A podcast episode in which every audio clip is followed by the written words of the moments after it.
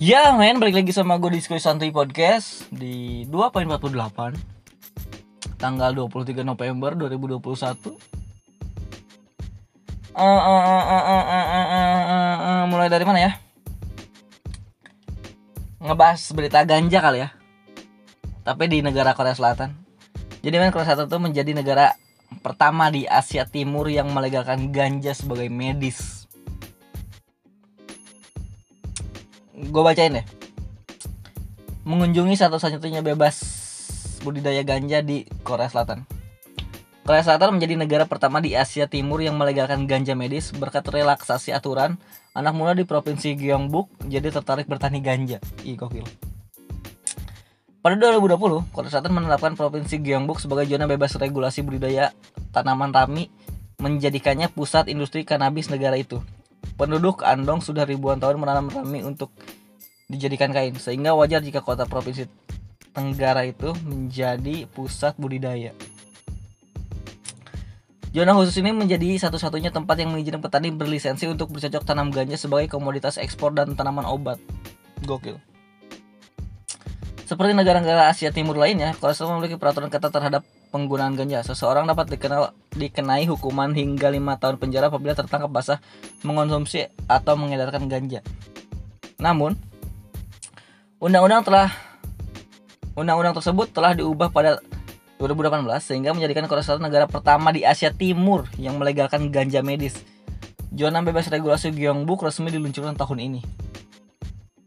Kim Song-du Kim Sok Bin merupakan salah seorang petani yang mengantongi izin tanaman ganja medis di zona khusus Andong.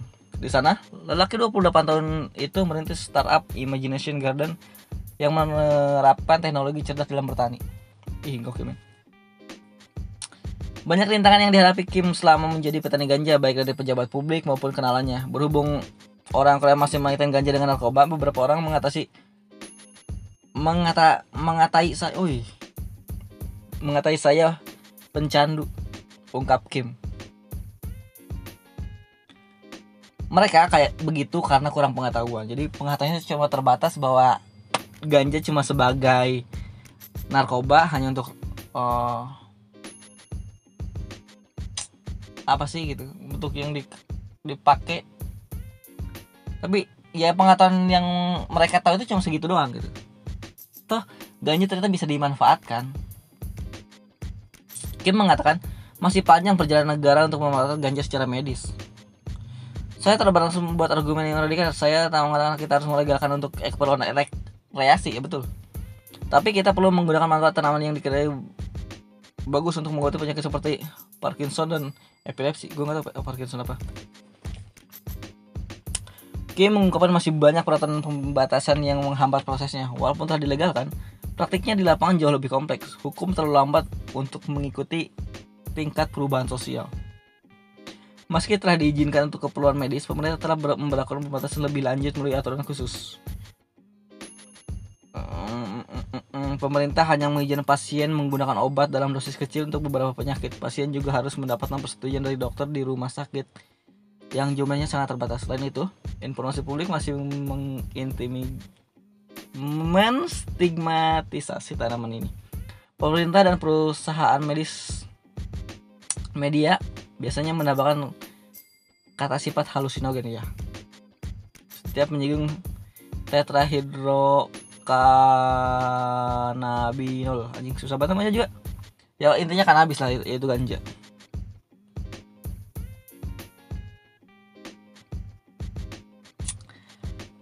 Kalau dibaca semua panjang banget kan poinnya adalah ganja itu sebenarnya emang bisa buat obat. Ganja bisa buat obat, bisa sebagai medis.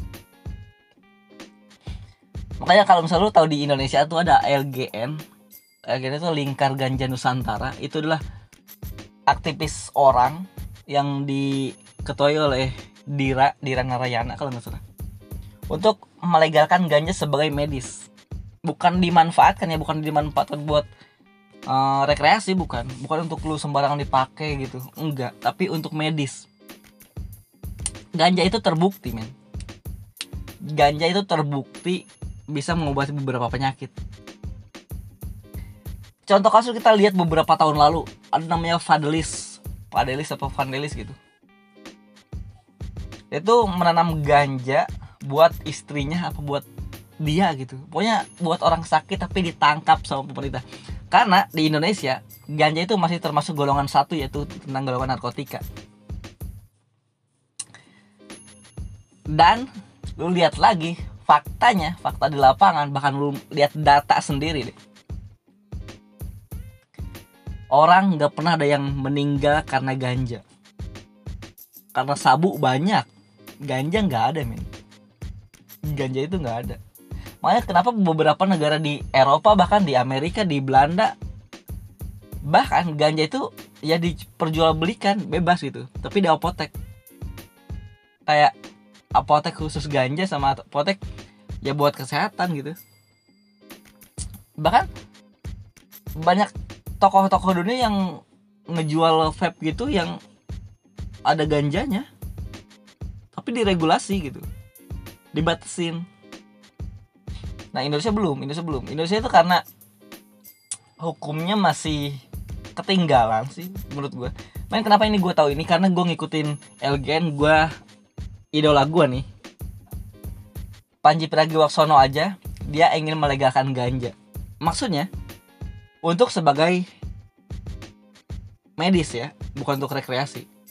Gue suka di Rana Rayana si aktivis dari LGN itu Lingkar Ganja Nusantara. Gue tahu Panji Pragiwaksono.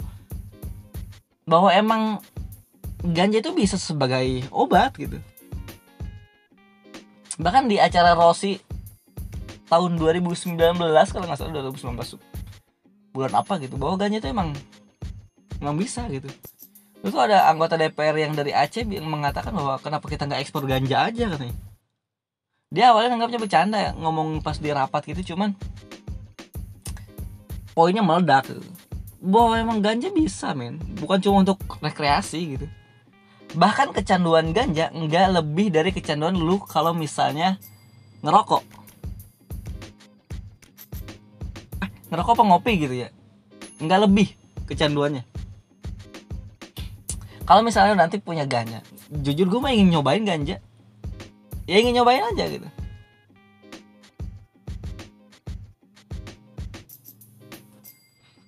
Aktivis kayak LGN aja dari tahun 2000 berapa? 2010 2011 gitu.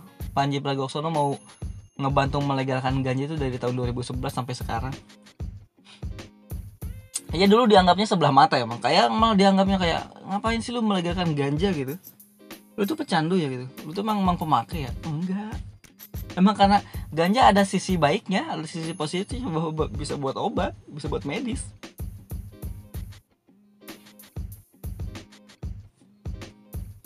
Dulu mah kalau masalah ada yang ngomongin ganja ada aktivis kayak si Darren akhirnya kayak diserang semua orang. Tapi sekarang dia cuma tinggal diem aja udah banyak orang yang setuju bahwa ganja emang bisa buat medis. Bahkan men gue lupa nih tahun 2000 berapa 2000, 2020 atau 2019 ganja itu sempat uh, ini menteri pertanian kalau nggak salah menyebut bahwa ganja itu emang bisa sebagai tanaman obat bisa. Ya tiba-tiba baru udah udah ada tanda yang resmi dari pemerintah udah ada. Tapi nggak lama kemudian dihapus postingannya direvisi. Karena gue gak ngerti itu kenapa gitu.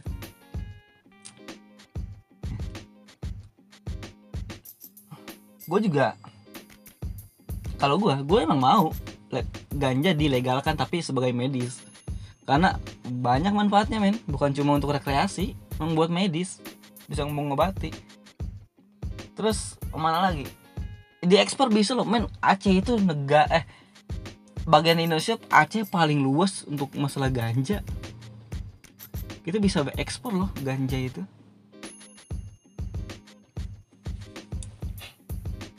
untuk lo yang nggak setuju juga nggak apa-apa. Cuman ya pengetahuan lo jangan cuma sebatas itu doang gitu. Jangan karena sebatas ah ganja cuma buat rekreasi gitu. Buat dipakai doang.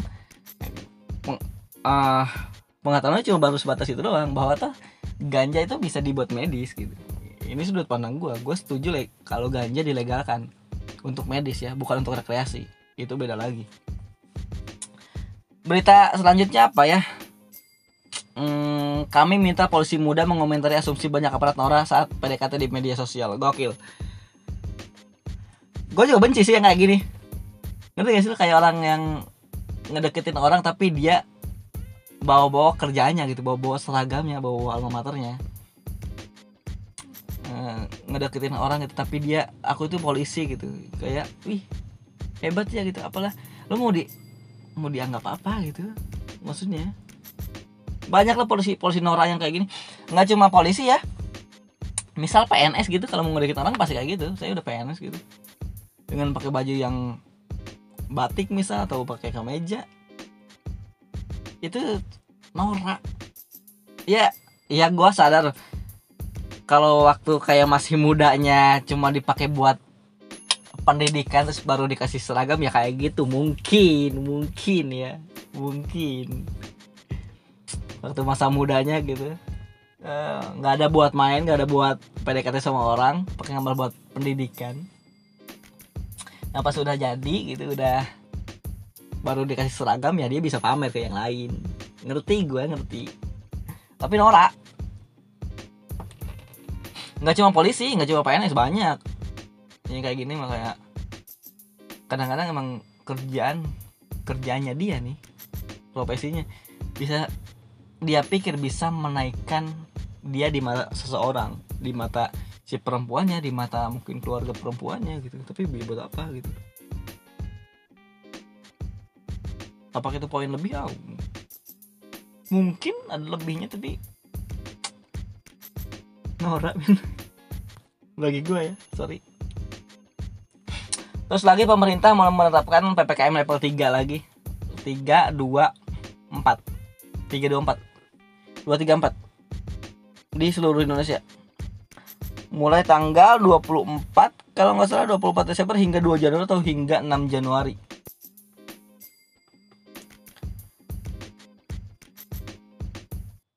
Sudut pandang gua. Sudut pandang gua nih. Nggak apa-apa sih. Nggak apa-apa. Nggak apa-apa. Karena karena gini gua gua sadari pemerintah melakukan ini karena dia melihat dari data di belakang. Lu lihat data waktu Nataru Natal dan tahun baru 2020 ke 2021 itu setelah libur kasus covid itu naik lagi. Lihat datanya itu tuh udah pasti naik lagi. Setiap lebaran data covid itu selalu naik selalu melonjak bahkan nah pemerintah itu belajar dari pengalaman yang itu. Jadi mungkin kita akan melakukan lockdown lagi kita melakukan ppkm supaya kita bisa menjaga menstabilkan bahwa angka covid itu tetap bisa kita kendalikan. Mungkin itu. Mungkin itu yang pemerintah mau. Karena meskipun kita sudah divaksin vaksinasi kita udah hampir merata tapi nyatanya men ah rakyat Indonesia itu yang vaksin dosis pertama baru 62% terus dosis lengkap itu ya dosis kedua itu baru 40% jadi ternyata belum merata-merata banget. Mungkin kalau misalnya udah Indonesia udah 100% atau seenggaknya 90% nih. 9-80% gue yakin pemerintah nggak akan pernah lagi melakukan ppkm level berapapun. Nah pemerintah itu mungkin kalau kayak istilahnya kalau dayanya nggak jatuh ke lubang yang sama dalam dua kali gitu. Nah dia tuh nggak mau kayak gitu. Nggak mau Indonesia melonjak lagi. Itu udah pasti. Karena ribet lagi. Terus ya bagi gua bagi gua nih kesalahan pemerintah itu ya karena tiba-tiba aja gitu. Coba kalau misalnya mau kayak gitu batasin cuma tapi jangan jangan langsung kita memperkuat PKM level 3 gitu. Langsung blok kok langsung kayak gini gitu? Tapi nggak ada yang coba dong kita dari satu naik lagi dulu kedua gitu. Naik lagi ketiga baru itu. Ada tahapannya dulu. Langsung jangan tiba-tiba blok nggak gitu. Kalau gitu kesannya masyarakat yang awam masyarakat orang yang percaya konspirasi itu cuma kayak ini penyakit apaan yang bisa di waktu-waktu ter- tertentu katanya. Ya gitu. Orang-orang yang wawasannya terbatas kan cuma cuma bisa nyampe situ men. Di penyakit apaan nih yang cuma bisa eh, di waktu waktu tertentu? Di Natal di waktu libur di tahun baru di Idul Fitri gitu. Di apaan nih gitu? Apa sih maunya pemerintah gitu? Men maunya pemerintah itu ya kita hidup normal lagi kayak dulu tapi dengan cara yang seperti ini dulu gitu. Kita lakuin ini dulu sebentar gitu. Nanti juga kalau misalnya kita udah merata dengan vaksinasi kita kan bebas dari semuanya kok. Yakin gue beneran. Gue sih cukup yakin itu ya. Bahwa sekarang di depan itu udah cerah loh men. Kita udah bisa ngeliat cahaya lagi gitu. Kita udah ngerasain cahaya bahwa oh kita sekarang udah mulai keluar dari zonanya covid nih katanya. Nah kita mungkin akan melakukan ppkm ini lagi itu cuma karena sebatas kita tahu nih. Ini kita udah ngeliat cahaya cuman cahaya bagus nggak ya kalau misalnya kita tabrak lagi dengan liburan gitu libur panjang? Nah takutnya kayak gitu.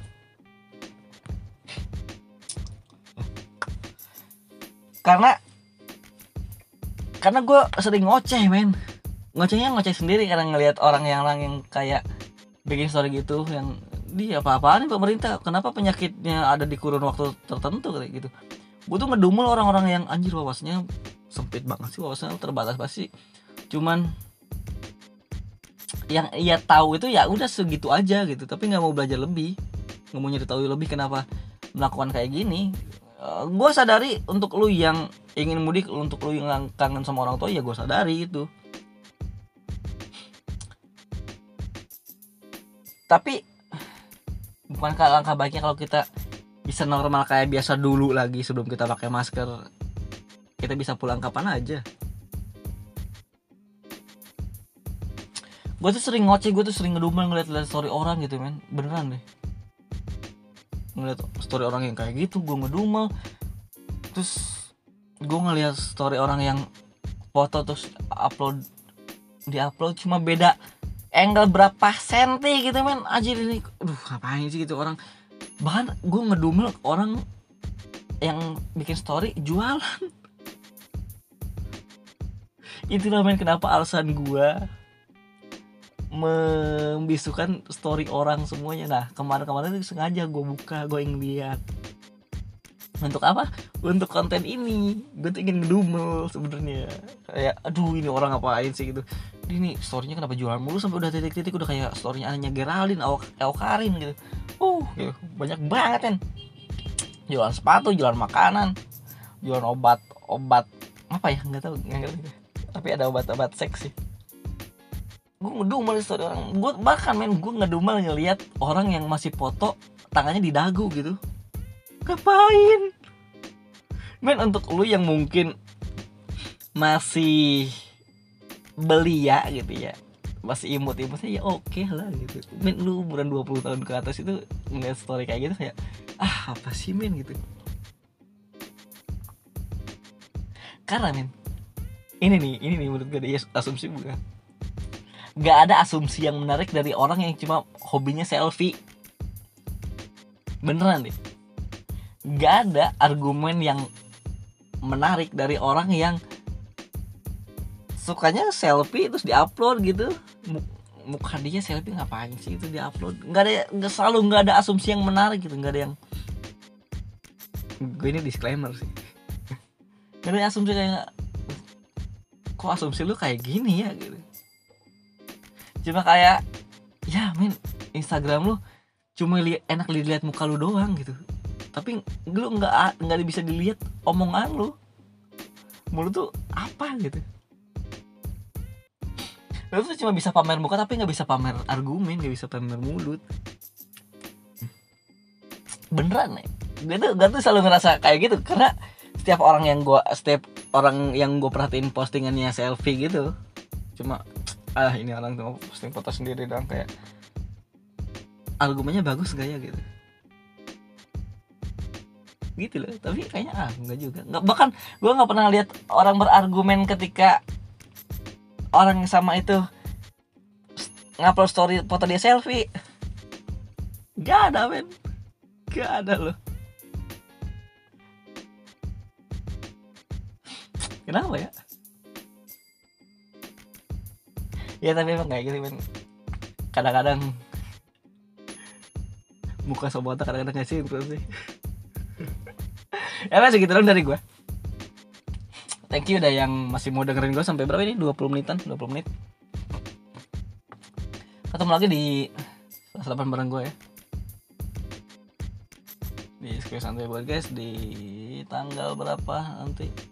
2 3 30 akhir November. Kita ketemu lagi di akhir November ya bareng gue see you bye bye